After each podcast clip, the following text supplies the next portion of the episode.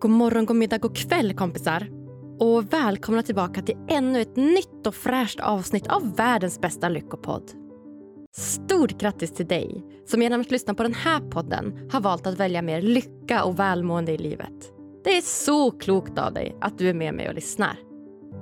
Jag heter som vanligt Agnes Sjöström och är som vanligt mega glad över att just du är här. Och hörni vet ni vad? Nu har vi babblat alldeles för mycket om allt mörker som händer runt om i världen att jag behöver få en liten paus. Jag är för påverkad. Jag har varit så arg, ledsen, besviken, ångestfylld, orolig och ja, alla typer av jobbiga känslor har jag känt. Så det är helt enkelt dags att istället prata om hur jag, och såklart du också, med små enkla medel kan hantera de här jobbiga känslorna på ett bra och konstruktivt sätt. Därför har jag bjudit in psykologen, canceröverlevaren och föreläsaren Henrik Wiman till Lyckopodden för att lära dig mer om åtta jobbiga känslor och hur vi kan hantera dem på ett bra sätt. Efter att ha överlevt cancer två gånger i sitt liv lärde sig Henrik att det enda vi riktigt vet om livet det är att vi inte vet någonting alls. Han förstod att livet inte är att ta för givet och att det är värt att uppskatta varje sekund av din levande vakna tid. Som psykolog så försöker nu Henrik att hjälpa sina patienter till ett bättre liv. Och via sitt populära Instagramkonto, psykologen Henrik, delar han generöst med sig av konkreta tips och tricks på hur du kan göra för att må lite bättre. Så i dagens avsnitt så grottar vi alltså in oss i åtta stycken jobbiga känslor, hur du känner igen de här känslorna i din kropp och framförallt fyra sätt på hur du hanterar de här känslorna på bästa sätt. Ja, ett väldigt lärorikt, hjälpsamt och enkelt avsnitt med mängder av tips och tricks att ta med sig. Varsågoda!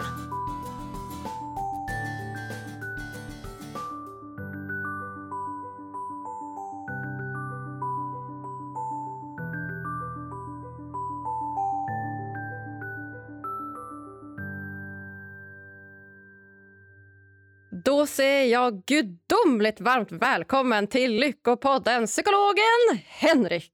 Stort tack, stort tack. Wow, vilket välkomnande. ja, ett gudomligt ja, välkomnande. eller hur? Det är inte ens söndag. Nej, exakt. Det är en härlig onsdag. ja, det är det. Det är det. Kul att vara här. Ja, ja men jättekul att du ville komma hit. Jättespännande.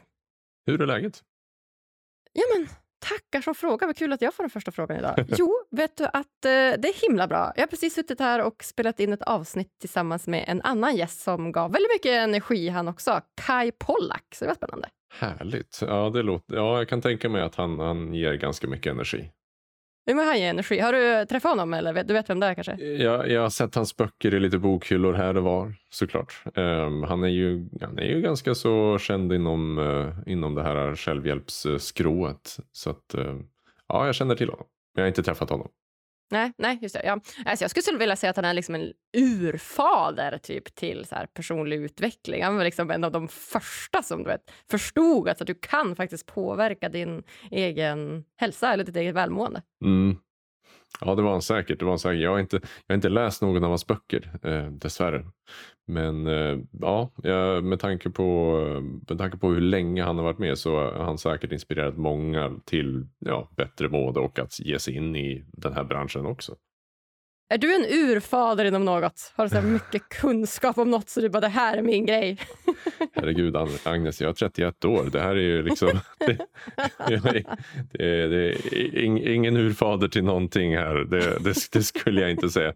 Det, är väl snarare då om jag blir, ja, säg hypotetiskt sett 84 som man kan börja prata om att det blir en ur, urfader om någonting. Men eh, än så länge så nej, eh, nej. inte. Vet du vad, jag förstår dig. Jag är också exakt 31 år och jag är inte heller någon urmor till något än. Nej, du är född 91 då, eller? Ja, det är korrekt. Ja.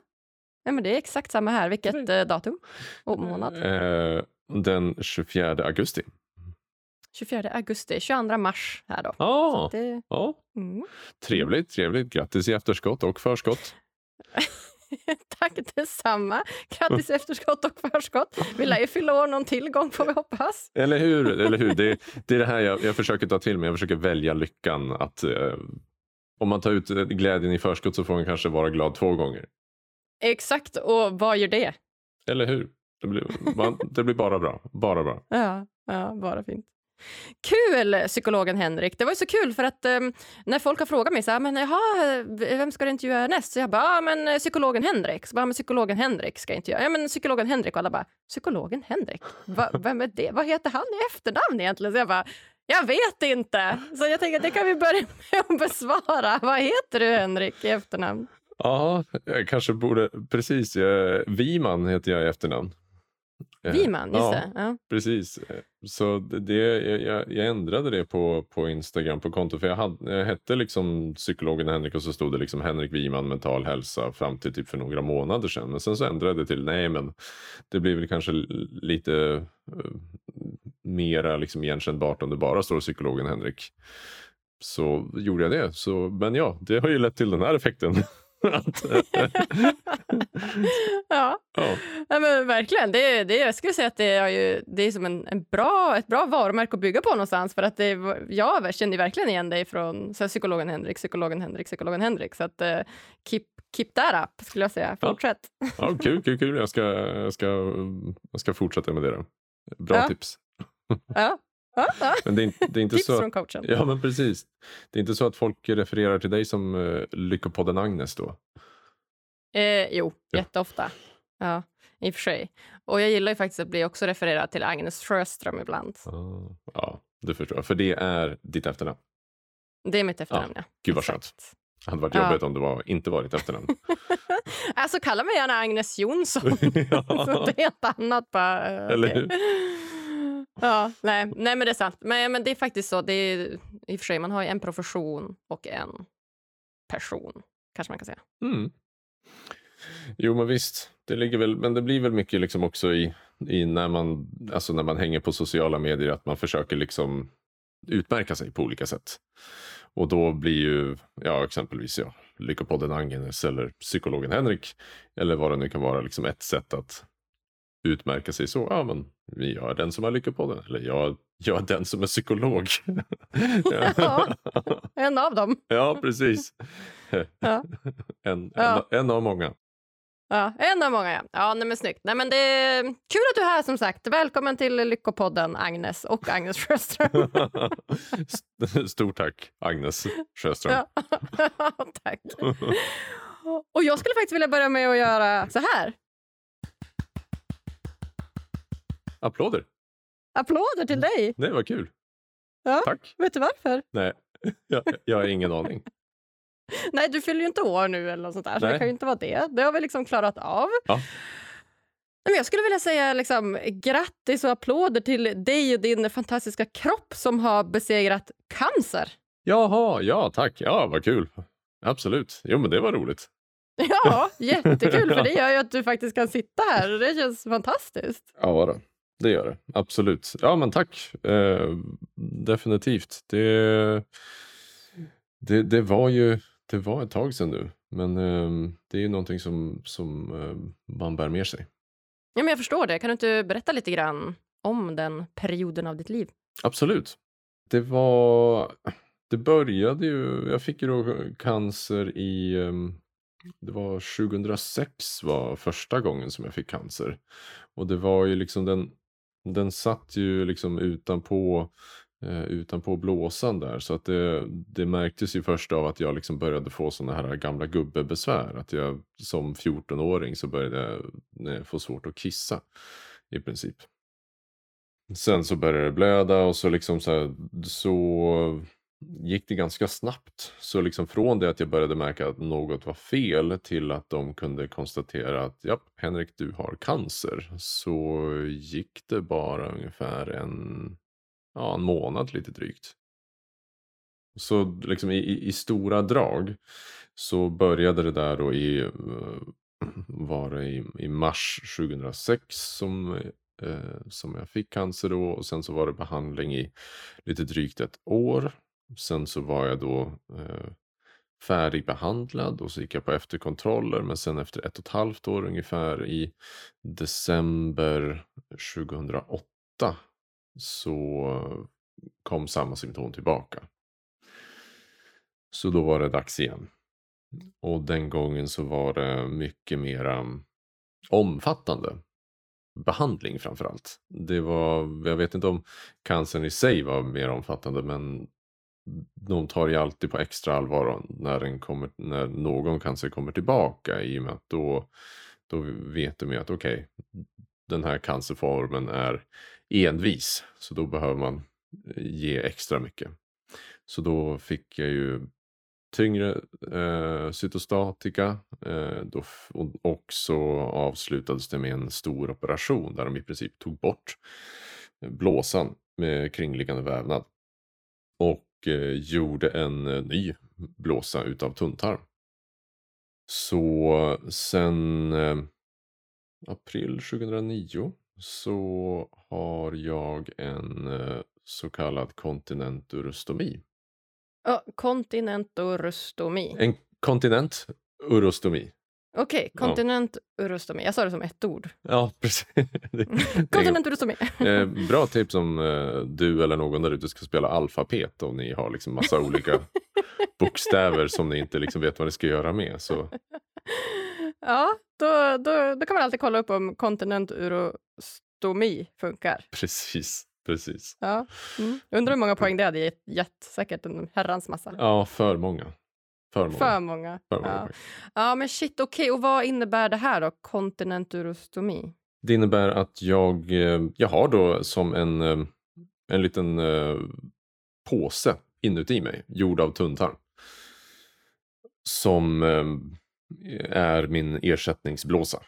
Och eh, den, jag, jag, så jag, liksom, jag kissar inte utan jag, jag, liksom, jag tömmer den med hjälp av katetrar. Mm. Mm. Så jag har ett litet uh, hål i magen. Där jag för in katetrar. Ut kommer det som behöver komma ut. Uh, och uh, sen är det klart. Mm -hmm. Okej, okay, så det är som en, en yttre process då, liksom utanför kroppen kan man säga? Ja, alltså det, det kan man. Jag har, så det, det är som ett hål. Det, det ser väl lite grann ut som en eh, extra navel. Men det döljs av ett plåster i och med att det är, liksom, det, det är tunntarmsvävnad så det är ganska skör. Så, så, och sen så på insidan så är det som ett litet lock som gör att det håller tätt. Så att eh, det inte bara går och rinner kiss över alla mina kläder hela dagarna igen. Det hade inte varit så nice. Eller hur? Eller hur? Um, så det, och den här lösningen gjorde då um, föreslog kirurgerna då, då eftersom det är ju en väldigt, alltså när det funkar, när den då håller tätt, när det då liksom ja, funkar som det ska så, så känner jag att jag kan leva liksom ett liv på ja, nästan samma villkor som eh, dig eller någon annan där ute. Nice. Okej, så det här var vad sa du, 2009 som... Eh, Nio sista gången. Ja, precis. Och sen Ja. så, så det var någonstans där. Eh, sen var det lite extra eh, cell, eh, eller cellgifter eller cytostatika då, eh, i några månader till. Men sen var jag färdigbehandlad. Och hur gammal var du då? då? När var det 2009? Nu får du hjälpa mig med matten här. Vi är ju 31 idag. Ja, det var, jag var 17 när jag fick eh, stomin och sen så var jag väl 18 när jag var färdigbehandlad tror jag. Känslig ålder kanske? Eller hur påverkade det dig i den åldern? Jo, absolut. Det är ju en, alltså tonåren är ju, jag vet inte, ja, nu gissar jag här kanske, men dina tonår, jag antar att det var liksom en hel del att hitta dig själv. Vem är du som pers egen person? Vem är du utan dina föräldrar? Vem är du gentemot dina vänner och så vidare? Verkligen. Det fick ju inte jag på samma vis, utan um, under den här tonårsperioden så liksom när jag skulle då försöka hitta mig själv, vem jag är utan mina föräldrar mm, bland vänner och sånt där så blev jag helt plötsligt extremt beroende av dem. Så det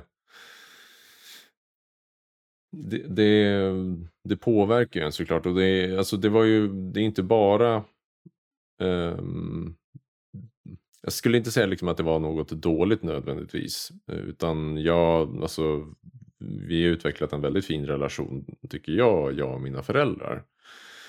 Ehm, så det är jag väldigt tacksam för. Ehm, men den var, min tonårsperiod var ju definitivt annorlunda än de flesta. Vad skulle du säga är dina största liksom, lärdomar från cancern? Ja, det, den största lärdomen är nog att jag faktiskt kan dö. Och att jag har varit nära att dö vid flera tillfällen i livet. Och just varför jag tycker den är så viktig eftersom att det sätter allt annat i, i, i så mm, stark kontrast. Ehm, att ehm, livet blir ehm, det, det, är mycket liksom som bleknar i jämförelse när man tänker på döden. Vilket gör det också mycket enklare att hantera livet i sig. Jag menar, och det får mig också mm, känna en ganska stor tacksamhet över att över att vara vid liv och att, över att döden faktiskt finns som eh, grej. För annars så, om inte döden hade funnits så känner jag att så mycket hade bara blivit meningslöst. Varför skulle jag ansträngt mig att sitta och prata med dig här över en lunch när jag liksom, om jag var odödlig? Jag hade ju lika gärna kunnat göra det om 2000 år i sådana fall. Ta tillvara på livet då, typ? Ja, precis. Att veta att jag kommer dö gör att det blir enklare. Liksom att, döden gör att det blir enklare för oss att ta tillvara på livet och att komma ihåg att man kommer dö någon gång kan också göra så att man anstränger sig lite mera för att till, ja, som du säger, ta tillvara på de stunder som man faktiskt får. Mm. Det är ju det fina med döden. Alltså det är ju faktiskt det, att man faktiskt tar tillvara på de små stunderna som, den lilla korta stunden vi har på den här planeten jorden. Mm. Egentligen. Mm. Mm. Skulle du säga att uh, ditt uh, yrkesval som psykolog har liksom sin ursprung från den tiden, eller hur kommer det sig att du blev psykolog? Det, det finns väl eh, en, ett lite djupare svar på det och ett lite mera eh, trig, liksom så här, vad ska man säga, lite mer ytligt svar. Det djupare svaret är liksom att, att eh, mamma, eh, hon är kurator. En duktig sådan också. Eh, så att när eh, jag var liten så ville jag alltid, eh, jag ville alltid berätta om min dag. Mm, oavsett hur tråkig den hade varit så, så var det alltid så att jag ville berätta om eh, ja, vad jag hade gjort eller vad det var som hade hänt eller vilken kompis som sa det där eller vad läraren gjorde då och så vidare. Det var liksom lite sådana saker och mamma tog sig alltid tiden att lyssna på mig. Ehm, oavsett, oavsett hur intressant eller inte det var. Men hon, hon lyssnade alltid och det, jag tror att den erfarenheten, liksom, även om jag såklart inte tänkte på det då, men liksom den erfarenheten eh, hänger kvar. Liksom att jag mm, har med mig betydelsen av att få bli hörd, av att få bli lyssnad på. Att den, den, det ger väldigt mycket, bara det.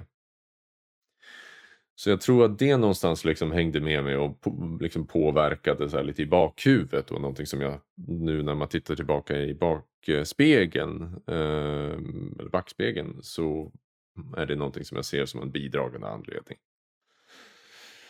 Men sen så var det det som fick mig att fundera, ah, men jag kanske ska plugga psykolog på eller psykologi på universitetet, det var just att um, jag eh, läste den här eh, boken Konsten att läsa tankar av Henrik Fexeus. Mm, mm. Mm. Just det, han har också varit med i podden. Jag såg det. Så när, när den kom ut, den var ju en himla succé. Och eh, jag läste den från perm till perm och tyckte det var jätteintressant. Så den fick mig att tänka liksom, ja men psykologi, det verkar, det verkar ju kul. Hur lär man sig det på bästa sätt? Ja, men det verkar vara psykologprogrammet. Ja, men då söker jag väl dit då. Så kom jag in och sen så började jag plugga. Jag minns att det var någonstans runt termin två som jag, eh, termin två, tre däromkring, som jag liksom fick någon sorts eh, uppenbarelse när, när vi satt och jobbade med samtalsfärdigheter. Att oj shit, mitt jobb kommer gå ut på att sitta och prata med folk. Ja, Jag hade liksom inte, exakt. Hade inte riktigt klickat. Jag- Varför, det vet jag inte. Eh, Men eh, det var någonstans liksom där att jag bara fick, att jag kom på, nej just det, det är ju det som jobbet är, att jag var psykolog. Jag hade bara tänkt, ja men det är kul att lära sig psykologi. Mm. Men eh, ja, men sen har jag fastnat för det. Så att, Mm. mm. Så du ångrade dig inte där när du var tvungen att prata med människor utan du kände fortfarande att så här, jo men det här vill jag fortfarande göra. Ja, eh, självklart. Jag tvivlade många gånger under programmet. Är det här verkligen det jag vill? Är det här verkligen det jag ska göra? Jag kanske borde göra något annat. Men eh, tvivel är en del av att vara människa, så jag fortsatte. Och nu sitter jag här. Vad fint. Jobbar du liksom med klinisk psykologi eller jobbar du med, mer med typ föreläsningar och spela in poddar? Ja, precis. Eh, jag började ju och jag jobbar ju fortfarande på vårdcentral eh, här i Uppsala. Så jag har liksom den, den kliniska erfarenheten med mig. Och, och, eh, men eh, nu då, det senaste eh, året så har jag börjat röra mig mera mot att, ja, vad ska man säga, mot den här folkbildande psykologrollen. Föreläsningar, podd, Instagramkonto och så vidare. Ja, kul. Ja, för du har ju minst sagt många följare på Instagram. Det är över 77 000 nu, så det är ju en himla massa människor. Det är en eh, hel del. Varför tror du att ditt eh, Instagramkonto blivit så populärt? Ja, det är väl för att jag är så snygg antar jag. det måste det vara. Det måste det vara. Jag skriver under. ja, nej. Nej, men då är det väl, om det inte är det så är det väl min öd, eh, enorma ödmjukhet. Ehm, Som också speglar eh, samtalet just nu. nu, Ja. Precis, nu är, nu är jag på rull här. Eh, Ja. Nej, Komikern. Precis. Nu, nej, men jag antar att, eh, jag, antar att jag, jag hoppas att jag ger bra tips eh, och att folk eh, tycker att det är hjälpsamt på något vis. Ehm, och att det kanske liksom är i ett format som är tillräckligt liksom, tilltalande för att eh, dyka upp på sociala medier. Ingenting jag tar upp är ju på något vis eh, världsförändrande nyheter. Det är liksom, det mesta är ju bara liksom grundläggande psykologi och KBT. Eh, men det är väl att eh, formatet, att jag lyckats få in det att passa formatet på ett hjälpsamt sätt. Verkligen, det tror jag också. Det är väldigt lätt att ta till sig. Alltså det är väldigt lätt att ta till sig. Det är inte så att man så här funderar eller så här, oh, vad menar nu, det där var krångligt och det var så här något svår, svårt att förstå och så, utan det är verkligen så här, det här och det här leder till det här, typ. Alltså lite så här kort, kortfattat, enkelt, med också som du säger mycket liksom, tung, tunga studier i ryggen. Så att det, en till applåd! Stort tack Agnes, wow. Ja, nej, eh, du, du hörde ju precis hur, hur stort mitt ego kan bli här så att du, var, var försiktig säger jag bara. Var, oj, oj. Oj, oj, oj. Nu, får jag, nu, får jag, nu får jag sluta ge så mycket beröm här. Nu får jag släppa det. Ja. Tack Agnes, det var väldigt snällt av dig. Ja, nej men varsågod Henrik. Jag tycker verkligen att du förtjänar det. Och jag har ju haft lite svårt att så här, em, bestämma vad vi ska prata om idag, du och jag. Jag har ju varit så här, ah, ska prata om det här, ska prata om det här. Jag älskar att bjuda in liksom just eh, personer med professionen psykolog till den här podden, för det klingar väldigt bra med just Lyckopodden såklart. Men eh, det slutar alltid med att jag går på feeling. Alltså, här, ja, men eh, först tänker jag så här, så tänker jag att jag vill prata om det här och sen så gör jag ju ofta så här, ja, men dagen innan intervjun så, så kommer det oftast till mig. Eller så här, ah, men vad vill jag egentligen prata om? Och väldigt mycket magkänsla och feeling så här, i sista sekund. Och det jag landar i det är att jag vill prata med dig om det inlägget som jag fastnade för när jag hittade dig på Instagram. Jättebra, jättebra. Och vilket inlägg var det då? Ja, det, är ju, det, var ju först, det var ju egentligen min fråga. Så här, kan du gissa vilket inlägg det var? Men nu vet jag att jag har redan avslöjat det här för dig. Whoops. Ja, Whoops. Så att du vet redan vilket det här är. det är... Men för lyssnarna som inte vet vilket det här är så är ju det här ett inlägg som handlar om hur du tar hand om dig själv, skulle jag vilja säga. Mm. Kan du berätta lite bakgrund till varför du skrev just det här inlägget? Det är ju ett, alltså det är ett väldigt praktiskt inlägg. Och eh, jag vet att, många av mina följare uppskattar just när det är praktiskt, när det inte är så mycket eh, abstrakt, eh, när det inte är så, ja men när det inte blir liksom psykologiflum. Utan att det ska vara liksom, nej men konkret, eh, gör X eh, och Y så blir det Z. Sen så vet jag också liksom att det är många och det här är liksom någonting som alla kämpar med, även psykologer. Att vad ska man göra när man känner en viss, eh, när man känner en viss känsla? Liksom? När man är eh, arg, hur ska man ta, hantera det? När man känner sig eh, ledsen, vad, vad, vad kan man göra då? Det, känslan i sig, när man är i den, gör ju ofta att man får det här tunnelseendet och att man får svårt att um, se något annat än än eh, just känslan i sig. Så då är det bra att ha liksom lite konkreta tips. Ja, men du kan prova det här eller det där eller det där. Nej men exakt så. Och det är väl det som är så himla tydligt här för att i det här inlägget så det är liksom lite olika eh, slides som man kan slida eh, i det här inlägget. Och det är framförallt två av de slidesen då som, som jag fastnar väldigt mycket för. Och då har du skrivit egentligen ner fyra stycken känslor då på vardera slide. Så att det är åtta stycken känslor totalt. Och eh, av de här åtta stycken känslorna då, så har du skrivit ner egentligen fyra stycken konkreta saker som du kan göra för att hantera då de här olika känslorna i sig. Så innan vi går in på liksom exakt eh, vad du kan göra åt de här känslorna så tänker jag att vi kan väl börja med att konkretisera lite grann hur du känner igen vilken av de här känslorna som du faktiskt känner. För bara det kan ju vara svårt. Ibland är det som att jag känner mig arg, men egentligen kanske man är ledsen. Eller så här, Åh, jag känner mig tung och egentligen så är jag sur. Alltså det, det kan vara ganska svårt att så här, veta vilken känsla det är du känner. Mm. Så hur känns det att börja i den änden? Det känns uh, spännande. Vad kul! Spännande. Ja. Det blir jättebra. Mm. Och, eh, och de här eh, fyra stycken olika känslorna då, som du tar upp här, det är ju då stressad, orolig, nervös, ledsen, ångestfylld, arg, avundsjuk och sur. Mm. Så om vi börjar liksom från början med, med stressad. Hur, hur vet du att du är stressad? Eller att du känner dig stressad? Ja, eller hur? ofta så, um, ofta så märker man ju bara av det, liksom att man, whoops, så är man där, man känner stress liksom. Och jag ska börja med, med eh, lite förtydligningar, för, för jag har i det här inlägget blandat friskt mellan eh, dels känslor men även liksom, vad ska man mer kalla för, kroppsliga upplevelser. Um, stress exempelvis är en av dem som man mera kan tänka som en kroppslig upplevelse. Det är ingen och, och det, här, det här tar jag upp endast eh, för den som ehm, eh, kanske har lite koll på det här med eh, affektpsykologi eller emotionspsykologi. Eh, just Eh, stressad är inte en eh, basaffekt eller grundläggande emotion eller känsla så, men det är definitivt en jättevanlig upplevelse. Stress kan man ju då se som en väldigt så här, automatisk reaktion. Det är, ju, det är ju vårt sympatiska nervsystem som kickar igång. I nervsystemet så har vi det sympatiska och det parasympatiska.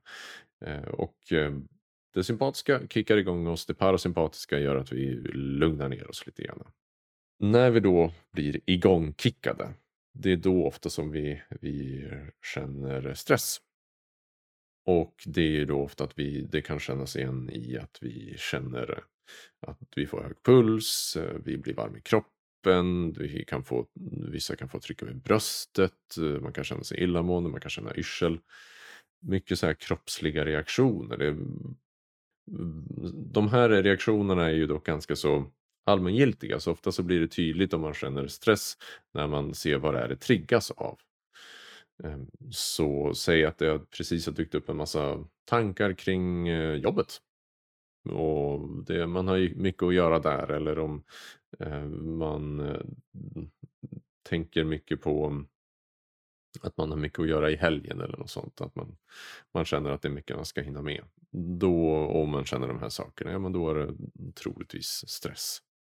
Just det, och då har du skrivit då fyra stycken olika då saker egentligen, eller metoder som du kan använda då för att motverka stress, eller om du känner dig stressad så bli lite mindre stressad. Och då har du skrivit medveten närvaro, andningsövning, ta en paus, delegera uppgifter. Då. Mm. Vilka bra tips. Vilka bra tips! Och de kändes ganska så här, eh, ja, men tydliga. Så här, men medveten närvaro, är det no då menar du någon slags eh, meditation eller mindfulness? Eller? Ja, precis. Det är, det är mindfulness. Det var någon, eh, en, en, någon i kommentarerna som, som skrev, men vänta nu här, är inte medveten om närvaro och mindfulness exakt samma sak? Mm. För jag har ju skrivit där för precis under som ett tips för när man är orolig, så jag har skrivit mindfulness. Mm. Och ja, de är exakt samma sak. Okej, okay, du bara väljer lite olika ord. det, var, det var en miss från min sida. Att, uh, jag, jag, tänkte inte på att ja, de är exakt samma sak och jag har skrivit dem på exakt samma grejer. Eller på olika saker. Då. Men ja, de, uh, det kan medveten närvaro, det, med det menar jag liksom att man gör någon form av grund, övning för att grunda sig här och nu. Så det kan vara något enkelt som att fokusera på en sak du hör, en sak du ser och en sak du känner eller så. Ja, men det känns ganska tydligt. Andningsövning, ta en paus, delegera uppgifter. Ja. Mm. Okej, okay, vi hoppar vidare till, till nästa då. Orolig. Vill du berätta lite mer om mm. den känslan? Nu vågar jag inte ens säga känsla, emotion, affekt. Vad är det för något? ja. ja, nej, nu, nu börjar jag tvivla på mig själv också här. Men eh, oro ja. i alla fall, det är ju att man oftast där märker man det att man har många tankar som flyger runt i skallen. Det, det är ofta det här, de här tänk om-tankarna. Tänk om det där händer eller tänk om det, eh, det där händer. Så det, tänk om-tankar brukar vara väldigt kopplade till um, oro. Det här hypotetiska osäkra. Och tipsen där är ju liksom att det är mindfulness som ju är då detsamma som vid stress, att man kan öva på att försöka grunda sig. Ehm, vi har motion på ett eller annat sätt. motion brukar underlätta för att mm, få en att fokusera på något annat en stund. Och kan göra också så att kroppen taggar ner.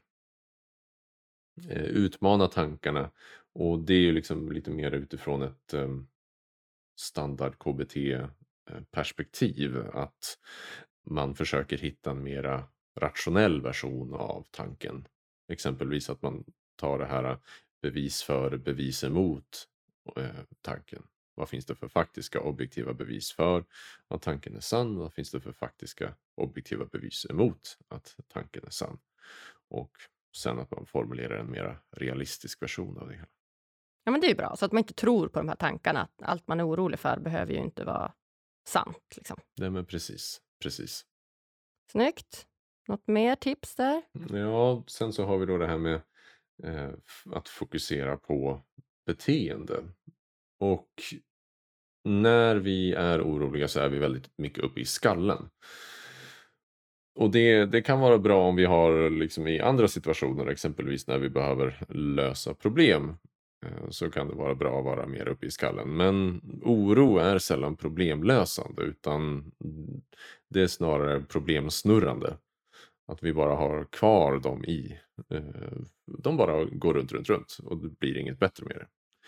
Så då är det oftast bättre att fokusera på beteende. Vad man kan göra här och nu. Och då exempelvis då med någon av de tidigare tipsen. Att utmana, motionera eller göra något, så, något mindfulness. Det är bara liksom en vänlig påminnelse om att ja, men, gå ner på beteendenivå istället för att försöka tänka dig eh, ut ur den här situationen. För uppenbarligen så har inte det funkat just nu. Nej, exakt. Ja, men snyggt. Exakt, man flyttar då eh, ja, men, fokuset från tanken mer till beteendet, till vad man faktiskt gör. Ja, precis. Ja. ja men det var också jättebra tips. Det känns också ganska klart. Ska vi hoppa vidare till nästa känsla? Ja, precis. jag vågar inte säga. Ja, jag bara, ja. nästa sak, ord, känsla. Nervös är väl en känsla, eller? Ja, det...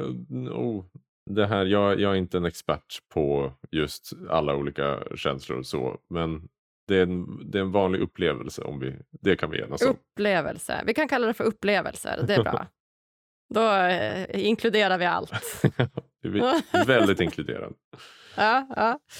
ja, men nervös då? Hur vet du att du är nervös och inte stressad till exempel? Kan inte det vara ganska likt? Det kan det verkligen vara. Eftersom bägge kickar igång en viss, eh, viss nivå av det här sympatiska nervsystemet. Att om vi känner oss nervösa inför någonting så brukar det ofta vara att vi blir lite varmare i kroppen. Vi kanske är lite mera igång än annars. Vi kanske har lite högre puls och sådär. Det, nervös är någonting som, eh, någonting som vi har för, alltså i likhet med stress eh, så har vi liksom för att kunna klara av eller ta, oss, liksom, ta itu med, med ett problem som vi har framför oss. Så mm, det kan ju vara väldigt användbart så länge som det är liksom på, på rätt nivå. Om vi blir för nervösa så kan det ju snarare leda till eh, handlingsförlamning eller att man inte klarar av det. Så att absolut, nervös jättebra men eh, om det blir för mycket så kan man behöva hitta sätt för att lugna ner kroppen lite grann. Mm, just det. För det som slår mig då är att så här, stressad brukar ofta ses som en negativ känsla inom kaninöron, mm. situationstecken. Och nervös brukar ses som en positiv känsla inom situationstecken då. Mm. Är det så? Ja, alltså jag håller med dig om att, det ofta, om att folk brukar se det så. Att när någon säger ordet stress så kan man ju själv få en liten stressrespons sån här att man blir lite så här oj, ha, uh, farligt, jobbigt. Medan om någon säger nervös så kanske man tolkar det mer som att ja, men det är väl bra, det är fint, då är du redo. Man ska vara lite nervös. Eller hur, eller hur. Så definitivt. Hade det inte funnits något evolutionärt användbart eh, med, med, det här, med de här upplevelserna, då, då hade vi ju inte haft det. Så länge som de är på, liksom på rätt nivå under rätt mängd tid. Om det blir för länge, ja, då blir det jobbigt. Vad skulle du säga är den största skillnaden på stress och nervositet? Det ligger mycket i den, den subjektiva upplevelsen, alltså en, ens egen upplevelse av, av det. Om man känner sig stressad så är det ju ofta över någonting, kanske lite mer över tid. Och eh, när man är nervös är det ofta kopplat till en liksom specifik prestation. Jag tänker nervös, eh, är man in, inför att få reda på ett besked eller hålla ett tal eller liksom några sådana där saker. Så de, ehm, de är väldigt snarlika så jag, och det är nog ganska vanligt att det, blandas ihop. Man kan vara stressad inför att få reda på ett besked också. Mm, på samma vis som man kan vara nervös. Så det, jag tror det ligger i ens egen upplevelse framförallt. Och eh, vad kan vi göra då om vi känner oss nervösa? Vad har vi för handlingstips till det? Ja, och första tipset drick en kopp grönt te. Och även där, det var ju någon som påpekade att grönt te det har ju faktiskt koffein i sig. Just det, ja. snyggt. Och det, ja. det visste inte jag. Nej. Nej, så jag lärde mig något nytt. Så... En kopp rött te då? Rött har inget koffein i. Nej, perfekt. Ja, ja. Snyggt. Så en kopp rött te. Ja. Ehm, det, vore, det, det kanske vore bra. Någonting som blir lite varmt som tvingar en liksom till att fokusera på, på drycken och samt man får i sig lite vätska och man kanske kan få pausa lite grann. En banan. Banan är ju, jag tror det har något sorts ämne i sig som ska vara milt stressdämpande. Och att det är alltid bra att få i sig lite mat. Grunda sig i nuet, är det samma som mindfulness och medveten närvaro då eller? ja, ja, ja. Får, det, det, jag har varit väldigt kreativ i, eh, ja. med synonymordboken, det har jag. Eh, ja. Just eftersom att, och det, det, finns, det finns en god anledning till det, det finns alltså, så många av de här tipsen funkar till nästan vilken, eh, vilken, vilken som helst av de här upplevelserna. Och det tycker jag är skitbra. Alltså, förstå om du liksom då utövar mindfulness eller medvetenhet, vad man nu vill kalla det, om du mediterar till exempel. Fatta att om du mediterar, då kan du liksom hantera alla de här tre känslorna som vi mm. har pratat om hittills. Så det är mest bara för att få det, få det tydligt att så här, ja, det, det är samma. Då. Mm. Ja? ja? Precis, precis så. Nice. Mm ja. Och det sista, ta en promenad. Ja, visst. Bara liksom gå av sig lite granna man kan, om man vill så kan man motionera också. Om man har tid, om man känner att man är väldigt nervös, så, så kan det också vara bra att verkligen köra ett uh, tufft uh, pass. Liksom köra liksom, intervaller lite grann, för då tvingar man kroppen sen att lugna ner sig. När den blir trött så kommer den automatiskt då att tagga ner. Men en promenad kan eh, räcka gott bara för att sträcka lite på benen och byta lite miljö så att man inte känner att uh, man sitter still och blir liksom så rastlös också. Ja men super! Stressad, orolig, nervös. Då, nästa är ju då ledsen. Mm. Hur vet du att du är ledsen? Gråter du då? Måste du gråta? Uh, nej, nej. Det, det måste man inte alla sörjer på, på olika sätt och det är det som jag tror är, är eh, det, det är det som jag tror är viktigt också att komma ihåg för andra att man kan vara ledsen och inte ha de här klassiska tecknen på att vara ledsen som att uh, gråta eller som att um, dra sig undan. Sådär. De är ju vanliga, absolut. Det är vanligt att man drar sig undan, att man känner sig ned, nere eller nedstämd på olika vis. Att man um, känner sig slö eller att man gråter av och till. Mm. Men det är inget måste. De fyra tipsen som du har skrivit där, det är då låt känslan komma, ta stöd från vänner, öva acceptans, håll dina dagliga rutiner. Så Det var lite nya tips. Är det någon av dem som du skulle vilja trycka lite extra på? Ja, alltså framför allt då liksom, låt känslan komma och öva acceptans. De är liksom lite relaterade. Eftersom det handlar om att någonstans skapa utrymme för att känslan får finnas där. Ibland när man känner, känner sig ledsen eller känner stark sorg så vill man ju inte kännas vid att den är så pass stark eftersom det är en väldigt jobbig känsla. Mm. Och det är ju jättejobbigt att säga att det, det är en, ja, en nära anhörig som har dött. Det, man vill ju inte tänka på det oftast. Det, men när vi, ju mer vi stöter bort tankar, ju mer vi försöker att inte tänka tankar, desto mm, starkare blir de oftast. Så därför liksom är tipset, ja men just låt, när den kommer, låt den dyka upp. Och när, du, när den är där, försök liksom skapa utrymme. Förhåll dig liksom mer accepterande till. Jag kan inte påverka, jag kan inte ta bort den här känslan utan jag kan bara låta den finnas där så får den vara här mm, tills dess att den själv känner liksom att nu är det dags att runda av. Jättebra.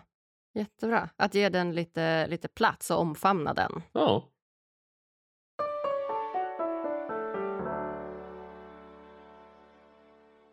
Veckans avsnitt är sponsrat av Tell Sverige AB.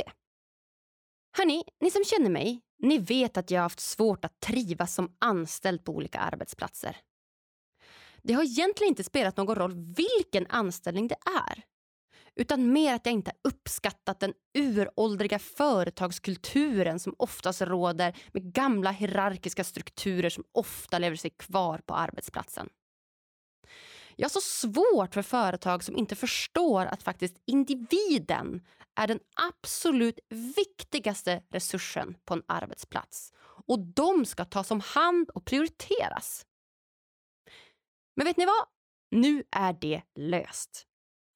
Världens bästa IT-företag, Tell Sverige AB, är ett framgångsrikt och expanderande bolag med visionen om att bli Sveriges mest framtida arbetsplats. Alltså, hur coolt är inte det? Vilket mål! Alla ska vilja vara anställd på Tell och alla ska vilja vara kunder hos dem. Och ja, vad innebär nu det då? Jo, alla beslut som Tell tar, de tas med syftet mot att bli Sveriges mest framtida arbetsplats. Alla beslut de tar gör de med sina anställdas hälsa och välmående i första hand. Alla beslut som tas gör de med fokus på att kunna leverera bästa möjliga service till sina kunder. Visste ni till exempel att eh, Tells ledning nu till och med har investerat i fastigheter utomlands bara för att kunna erbjuda personalen möjlighet att åka dit, antingen i jobbsyfte eller till och med privat? Hur nice är inte det? Jag tror, om jag inte minns helt fel, att det är Alperna och Spanien de har investerat fastigheter i hittills. Vilka himla drömställen! Både fjällen, skidåkning, snowboardåkning och sommaren, sol och badet. Och Som kund så kan du till och med ringa en fredagkväll klockan 22 och få bästa möjliga servicen för just dina it-problem. Ja, det är som att ringa till en god vän och snacka lite skit och samtidigt lösa dina it-problem. Så himla bra. Ja, om jag någon gång vill bli anställd igen, då kommer jag vända mig raka vägen till Tillsverige AB. Och i avsnitt 235 får du dessutom chansen att lära känna deras delägare och försäljningschef Therese Jakobsson och hennes väg ur psykisk ohälsa och panikångest mot målet att bli Sveriges mest framtida arbetsplats.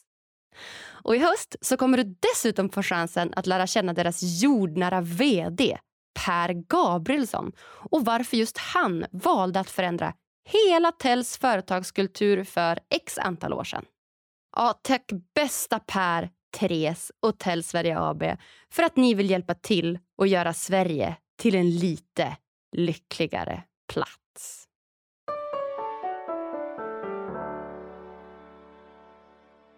Nästa då, den har vi ångestfylld. Och den tänker jag är lite likadan som orolig. Mm. Eller vad tänker du? De är ju två sidor av samma mynt. Oro brukar man kanske mera se som tankemässiga biten eh, medan ångest eh, är mera mm, kroppen eh, och känslomässiga biten. Mm. Så ofta kommer de ju hand i hand. Att har man ångest så har man ofta oro. Men ibland så kan det vara mer av det ena eller det andra. Och är det så att man upplever att det är mera ångest, då ja, kan man prova de här tipsen. Då. Och vilka tips har vi där då? Ångestfyllt? Dels även den här acceptansen. Att när, är, när, vi, när den dyker upp, att vi inte försöker trycka bort den. För som sagt, ju mer vi trycker bort desto starkare brukar det ofta bli och eh, liksom att skapa det här utrymmet. Och det går också hand i hand med tips nummer två, att inte undvika. Och det här att undvika kan man göra på olika sätt. Man kan ju dels försöka undvika känslan, men det kan ju även leda till att man försöker undvika eh, andra saker som triggar känslan. Eh, mm. Vilket ofta skapar eh, mer problem på sikt.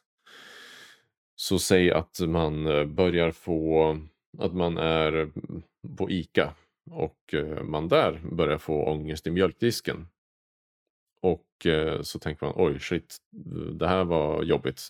Bäst att jag inte, bäst jag går härifrån. Då sticker man därifrån, man lugnar ner sig. Men sen nästa gång man kommer dit så kanske man tänker, ah, jag går nog inte till mjölken den här gången. Jag fick en ångestattack då tidigare. Mm. Och så börjar och så, och så där. Och ju mer man, och, och sen är man igång lite grann. Ångest har en tendens att um, har en tendens att generalisera ganska väl. Så är det så liksom att man har börjat undvika en sak så är det lätt att den säger den försöker ju då säga till en, ja men då ska du undvika det. Men vad den inte säger att den kommer säga exakt samma sak då sen eh, om andra saker. Mm, Okej, okay. så den ska man inte... Man ska lyssna på den, men man ska inte följa den då så, så hårt? Ja, absolut. Man kan lyssna och identifiera vad den säger, men man ska inte följa dess råd eftersom ångesten, den, den är inte så smart. Va? Nej, nej, exakt, exakt. Och det, det, vi uppnår ju inget lyckligare liv framför allt om vi ska gå runt och följa vår ångest, utan då är det bättre att, att utmana den lite. Ja, framför allt så riskerar du att gå utan mjölk. Ja, exakt, exakt. Ja, det vill vi inte. Eller hur? Havremjölken, den måste vi ha i kaffet, så det, det kan vi inte vara utan. Eller hur? Eller hur? Ja, och vad har vi fler för eh, tips för om man eh, känner sig ångestfylld? Ja, träna hårt. Eh, och det är ju samma som där när jag tog upp med nervös. Att när vi tränar hårt, kör ett riktigt hårt pass, så tvingar vi kroppen att lugna ner sig sen. Ehm, är den helt uttömd, har liksom hjärtat fått pumpa sådär, då, då kommer den att naturligt att tagga ner. Och sen hitta en trygg miljö. Det är då när det kanske de andra sakerna inte funkar så kan det vara bra att försöka um, kicka igång mer av det här äh, parasympatiska nervsystemet. Det här lugnande. Och det kan vara genom att man försöker skapa en trygg miljö på ett eller annat sätt. Och en, att hitta en trygg miljö det kan, vara, ja, det kan vara någon person som man känner sig trygg hos. Det kan vara att man ser på en favoritserie som får en att känna sig trygg. Eller det kan vara att man mm, kryper ner under täcket eh, och bara liksom försöker skapa den trygga känslan där. Var det än är, man försöker hitta det. Ja, men jättebra. Trygghet är ju himla bra recept på välmående. Absolut, absolut. Mm. All right, det var ångestfylld. Sen har vi arg. Och arg, det vill jag väl ändå säga är en av våra grundläggande känslor. Det har du helt rätt i. Tack! Yay! Mm -mm. Och hur vet du att du är arg då? Oftast är det ju liksom att man, man går igång. Man, man, eh, man blir varm i kroppen på samma vis som tidigare. Man får hög puls. Man blir ofta hög röst. Eh, man kanske skriker om man vill. Man eh, har ofta någonting som eh, tydligt som har triggat igång det. Det kan vara någonting. Det kan vara någon person eller någon sak eller någon nyhet. Vad det än är. Det är någonting där som som man vill liksom, nej, bort. Det här ska inte vara här liksom. Och de fyra tipsen du har skrivit där, det är då gå därifrån, andas ut långsamt, låt tiden gå, håll beteendet lugnt. Mm. Är det någon av de fyra som du vill trycka lite extra på? Ja, alltså framförallt, jag tänker alla fyra i, i, i att man tar alla fyra i ett svep kan vara ganska så bra. Att man när man känner sig arg, att man då börjar med att okej, okay, jag lämnar situationen bara. För när man är arg så brukar det sällan bli någonting konstruktivt oavsett vad det är. Så att bara lämna situationen. Och är det så att eh, liksom, man kan gå ut, gör det. Ta på sig skorna, bara gå ut och gå. Är det så att man inte har möjlighet till det, men försöka låsa in sig på toan eller något sånt där. Mm. Andas ut långsamt just för att börja lugna ner kroppen. Det är att andningen är någonting som vi kan styra över. Du kan inte styra över din puls, men du kan styra över din andning. Och därmed även påverka pulsen. Låt tiden gå har att göra med att ja, men, ilska det kommer ju avta med, med tiden. Alla känslor avtar med tiden. Det är, eh, det är så de funkar helt enkelt. Så att låta tiden gå är väldigt viktigt just för att man inte går tillbaka till situationen för tidigt så att man riskerar att bli arg igen eller något sådär. Utan låt tiden gå tills dess att man blivit helt lugnt. Mm. Och sen håll beteendet lugnt. Eftersom som sagt vi kan inte, att ändra en känsla är svårt, att ändra en tanke är svårt. Men beteendet är enklare. Jag säger inte att det är enkelt, men det är enklare. Så om man då kan hålla beteendet, det man gör lugnt, att man anstränger sig för att gå lite lugnare, röra sig lugnare, prata lugnare, hålla liksom en normal samtalston och inte skrika eller eh, sådana saker så blir det enklare liksom för kroppen att lugna ner sig själv och därmed så eh, eldar man själv inte på ilskan i alla fall. Mm. Ja, men superbra. Och sen har vi då avundsjuk och sur kvar. Mm. Och avundsjuk är ju spännande. Jag gillar ju glädjesjuk. Det borde finnas ett ord som heter glädjesjuk, eller hur? Mm. Berätta, vad tänker du om, vad, vad, vad är glädjesjuk? Men glädjesjuk för mig är ju när du är glad för någon annans skull. Mm. Alltså avundsjuk för mig är ju när du avundar någon annan. Alltså att så här, man nästan missunnar en någon. Alltså en missunnar en person någonting. Så här, mm. avundsjuk. Alltså det blir det är negativ klang på det. Jag gillar ju glädjesjuk. Alltså jag är ju glad för dig om du får det här jobbet. Eller, ja, och jag kan till och med vara glad för dig om du får det där jobbet istället för mig. Jag kan fortfarande liksom vara, vara glad för, för din skull. Att se det liksom... Ja, jag vet inte. Jag har bara fastnat för glädjesjuk. Och jag tycker det borde finnas i vår, vårt lexikon. Det låter som ett jättebra ord. Eh, och eh, om du startar en insamling så skriver jag definitivt på. Yes! definitivt. Jag, jag, håller med dig om att det är, det är ju liksom mycket av det här med, med liksom våra känslor. Som, alltså de, alla de här tipsen som jag, som jag har här, de, har ju liksom, de är ju fokuserade på hur man kan hantera de här jobbiga delarna av livet. Men det vore ju, eh, det vore ju väldigt kul om man även liksom kunde få lite mer av, av glädjen och kanske, ja, men hur kan man känna sig lite mer glädjesjuk på sina vänner? Eller hur, eller hur? Ja. Men säg att man känner sig avundsjuk då. Vad, vad tycker du att vi ska göra då för att minska den missundsamheten? försöka liksom sätta sig in i den andres skor på olika sätt. Så dels liksom att man kan själv försöka fundera över att ta den andres perspektiv. Man kan diskutera med en vän kring situationen och vad det är man känner så att man själv får uttrycka det och kanske få, få, få, få eh, lyfta det och lufta de tankarna. När man får lufta tankarna så brukar det ofta bli tydligare vad det är man faktiskt tycker och tänker och huruvida, huruvida de, eh, det tyckandet och tänkandet är rimligt eller inte.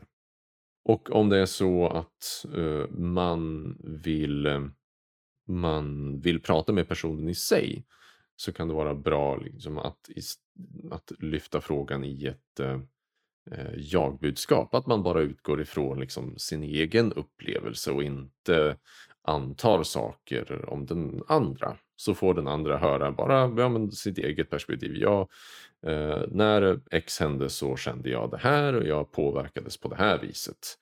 Eh, och så vidare. Så kanske det så blir det lite bättre underlag för att man ska kunna prata om det tillsammans och förstå varandra. Och sen så har vi då det här med gyllene regeln. Det är, gyllene regeln är den här gör, gör mot andra så som du vill att andra ska göra mot dig. Och det är ju också som, som någon skrev i kommentarerna, är det inte liksom bättre att göra mot andra så som, liksom behandla andra så som de, de själva vill bli behandlade. Eh, snarare än att behandla andra så som du vill bli behandlad. Mm, just det. Ja. Mm. ja. Och det tycker jag är en jättebra kommentar. Och gyllene regeln är dock bara, den är lite mer koncis och får plats i ett Instagram-format. men, men uppdaterad gyllene regel skulle väl då vara behandla andra så som de vill bli behandlade. Eh, och hoppas på, eh, på detsamma gentemot dig då. Ja, exakt. Ja, men det var jättebra. Så ta den andras perspektiv, diskutera med en vän, lyft frågan i jag-budskap, kom ihåg gyllene regeln. Mm. Ja. Okej, okay. ja men superbra. Och den sista upplevelsen där då, sur. Ja. Hur vet du att du är sur? Sur är ju ofta liksom en, en så här, lite mildare form av um, ilska kan man säga. Mm. Att det, det har, man har ofta, liksom, man vet varför. Ibland vet man varför i alla fall. Men uh, att det har liksom här, uh, en, en, en trigger i alla fall. Och att man, det är ju den här, den är, kan, man kan ju vara sur ganska länge för vissa, liksom att det går liksom så här äh, gror lite grann i bak, eh, bakhuvudet och liksom i korridorerna. Så, så att det, den är ju ganska så jobbig, eh, det är den ju. Och det kan bidra till en hel del dålig stämning i relationer. Ja, verkligen. Och de tipsen du har skrivit där, det är då bete dig ej som känslan vill. Påminn dig om tacksamhet. Ät och drick något. Ta en promenad. Bete dig ej som känslan vill. Hur menar du då? Att man in, om sur, att man... Äh, förklara.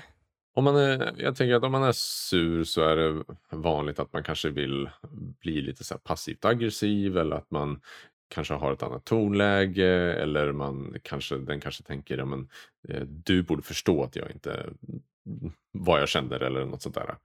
Um, försök att gå emot det känslan, oavsett vad känslan säger till dig, att så här borde du agera. Försök gå emot det och bete dig mera så som du tror är mer hjälpsamt eh, på sikt. Exempelvis, eh, man kanske kan lyfta att jag känner mig sur just nu. Och om det finns en tydlig orsak så kan man säga att det är på grund av det här. Eller om det inte finns någon orsak så kan man säga jag har ingen aning varför jag är sur. Men jag är sur, så du vet så blir det enklare för andra att um, förhålla sig till i alla fall. Ja men så fint och på med om tacksamhet. Jag älskar tacksamhet. Mm. Det är så fint. Vad vi faktiskt har att, att vara tacksamma för och glada över. Mm. Mm. Ja men det har vi. vi. Oftast har vi ju alltid någonting liksom att vara tacksam för, absolut. Och här kan det ju vara, särskilt när det, när det är just sur, så när det, för det är en relativt mild känsla så kan man ofta, då kan det funka med att påminna sig om vad man har för glädjeämnen i livet. Liksom, ja, jag är sur på grund av att eh, eh X hände, men jag är glad för att eh, jag har Y. Mm, mm, Ehm, mm. Och om man tar det i en, ett liksom, konkret exempel i en parrelation. Ja, jag är sur för att min partner inte gick ut med soporna trots att hen sa att hen ville det eller skulle göra det. Men jag är glad att jag har en eh, partner eh, som eh, tycker om mig och som i alla fall hade en intention att gå ut med soporna. Mm. Ja. Ja, men superbra. Bra! Ja, gud vad härligt. Det, var fyra stycken olika typer av upplevelser och hur man hanterar dem. Där hoppas jag att lyssnarna ska få med sig en eh, massa bra tips. Ja, det, det, jag hoppas att det blir någonting matnyttigt i alla fall. Det är ju det som jag försöker liksom förmedla. Att det, det finns ganska enkla eh, sätt att höja sitt mående på ett eller annat vis. Okej, jag tänker att vi ska hoppa in på de sista frågorna här innan vi lämnar varandra, du och Mm, jag. Absolut. Och den första frågan är ju då, vad gör dig riktigt lycklig? Eh, Min sambo gör mig väldigt lycklig. Mm. Mm. Vad fint. Hon skänker mycket, mycket lycka och glädje till dig. Ja, då, det, det gör hon. Eh, hon är fantastisk. Och ehm, ja, så det är just nu, men även liksom allt annat. Att få kunna göra sådana här saker är jättekul. Att få ha möjligheten att kunna mm, ta en promenad, att få kunna träna. Det är jättehärligt. Så det är klart att det är det här, man känner sig inte alltid lycklig av alla de här aktiviteterna. Men mm, det, det kommer då och då, den här lyckan. Mm. Det gör det. Mm. Verkligen. Så bra. Vilket är ditt bästa lyckotips? Eh, vad ska man säga, att inte jaga lycka. Mm. Jag lyssnade ju lite grann på, på det här eh, avsnittet som du hade med Alexander Bard. Mm. Jag tänkte också på honom direkt när du sa så. Ja. Han är ju klassiskt. Ja, berätta, vad tänkte du? Nej, och, jag, och, jag, och om vi bara av, och och jag, jag håller ju med honom i, i just det, att jag, jag tror att eh, vi, eh, ju mer vi jagar lycka, desto mindre lyckligare är vi. Och det har, vi även, det har man även sett i vissa studier som man kollat på liksom hur många som de som ger sig ut för att nu ska jag bli glad eller nu ska jag bli lycklig, de känner sig oftast mindre lyckliga. Just eftersom de även får, man får det här jämförandet automatiskt. Okej, men hur vet jag att jag är lycklig? Då måste jag jämföra mig med någonting. Men om man bara går in med inställningen att nu ska jag uppleva det här och se vad det är för någonting. Så blir det enklare för en att vara där man är. Om de känslor som dyker upp, dyker upp. Ju, ju mindre press desto enklare är det för en att känna de här ja, men, trevliga känslorna.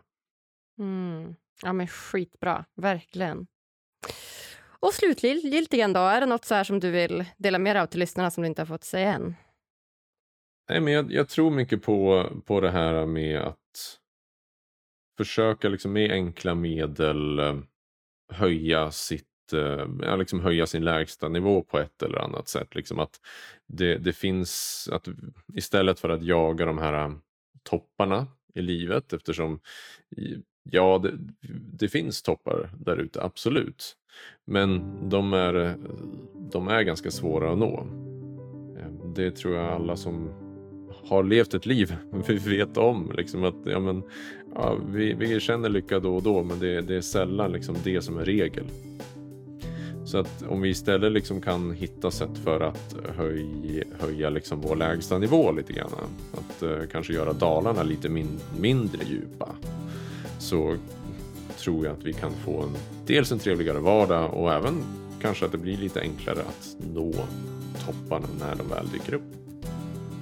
Jättebra. Jag säger bara tusen, tusen, tusen tack till dig psykologen Henrik för att du kommer gästa mig här på Lyckopodden. Stort tack Agnes, det har varit ett rent nöje. Ja, hörni. Så himla enkelt, självklart och hjälpsamt avsnitt. Åtta upplevelser, hur du känner igen dem och fyra stycken konstruktiva sätt att hantera de här olika upplevelserna på. Jag hoppas verkligen du fick med dig massor av nya tips och tricks.